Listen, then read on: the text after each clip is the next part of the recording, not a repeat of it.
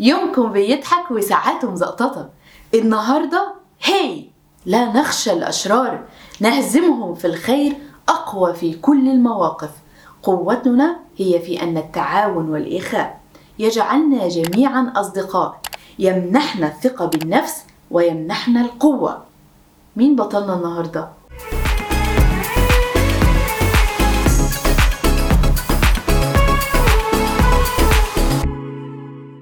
الاسم الأصلي ليهم Teenage Mutant Ninja Turtles وإحنا بالصلاة على النبي اختصرناها في Ninja Turtles وكمان في ناس بتقولها نينجا ترتر الموضوع بدأ اما انتشرت قوي قوي فكرة أي حاجة خارقة.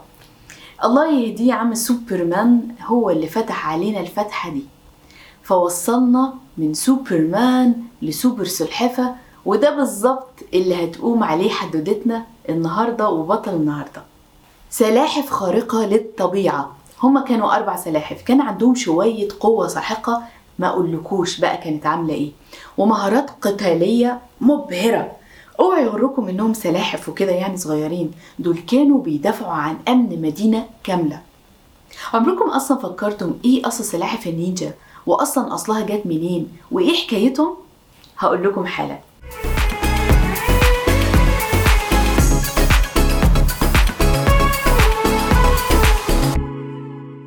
القصة بدأت لما جيري ساكس وكيل الإعلان في وكالة ساكس فينلي يستغل نجاح رسومات السلاحف.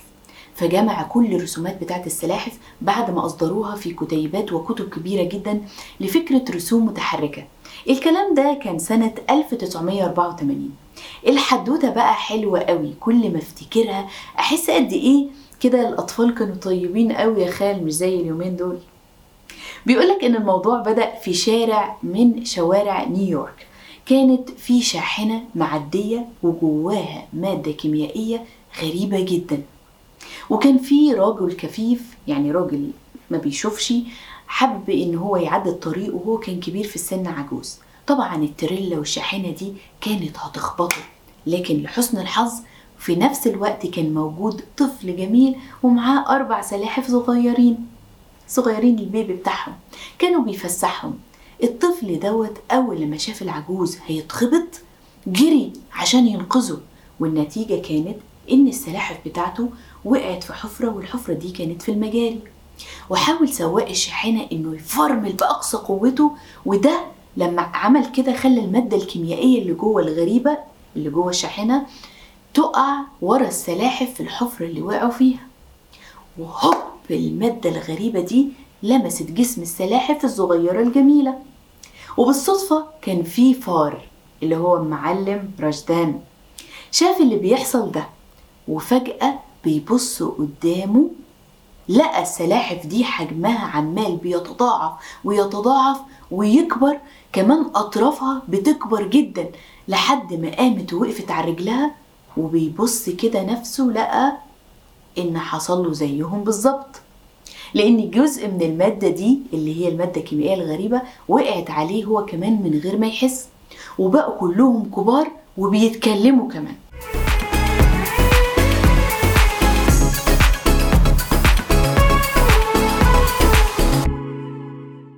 قام الفار الذكي اللي كان تربية معلم ومدرب النينجا يوشي إنه قرر إنه يعمل جيش عدل وخير هو والسلاحف. هو يدربهم ويعلمهم وهم كمان عليهم يسمعوا كلامه ويستفيدوا كمان من خبراته. بس كان قدامهم عقبة وهي إزاي هيسمعوا كلامه وتوجيهاته وهم مش عارفين بيوجهها لمين فيهم. بالظبط. عشان كده لجأ المعلم رشدان أو سبلنتر إنه يسمي السلاحف بأسامي من عصر النهضة الإيطالية. وفي مقالة كانت بتقول إن فعلا أصل المعلم رشدان هو أصلا من إيطاليا وإنه سافر آسيا عشان يتعلم الفنون القتالية أو فنون النينجا. بس راح أمريكا مع عمته راحت سياحة وما رجعتش. شوفوا إزاي الحبكة بتاعت القصة معمولة. سماهم ليوناردو ودوناتيلو ومايكل أنجلو ورافاييلو وطبعا كلنا بنحب البيتزا بسببهم لأنها كانت طعامهم المفضل ودي دلالة تانية على أصل المعلم رشدان الإيطالي. أنا عن نفسي كنت بحب البيتزا اللي كانوا بيمسكوها قوي. سلاحف النينجا شكلت طعم رمضان جوه كتير من الأطفال بالذات جيل الثمانينات والتسعينات. وكان بداية عرضها كانت في أوائل التسعينيات تحديدا سنة 1990 أما المدبلجين اللي كانوا باللغة العربية فكانوا بديع أبو شقرة في دور ليوناردو الرائع فؤاد شمس في دوناتيلو وكيسي جونز فادي الرفاعي في رافاييلو وعبدو حكيم في مايكل أنجلو. حسن حمدان المعلم رشدان إيمان البطار إبريل أونيل. كل واحد من السلاحف دول كان له شخصيته المميزة وكمان قوته الخارقة المختلفة عن التاني. وكانت عبارة عن سلسلة من سبع مواسم. خمسة كانوا قبل 2015 وآخر موسمين بيعتبروا مواكبة السلاحف للتكنولوجيا الحديثة. هتفضل سلاحف النينجا رمز للخير والدفاع عنه وخصوصا في عقول وذكريات جيل الثمانينات والتسعينات ومهما كبرنا. إيه رأيكم في بطل النهاردة؟ وإيه ذكرياتكم وتعليقاتكم معاه؟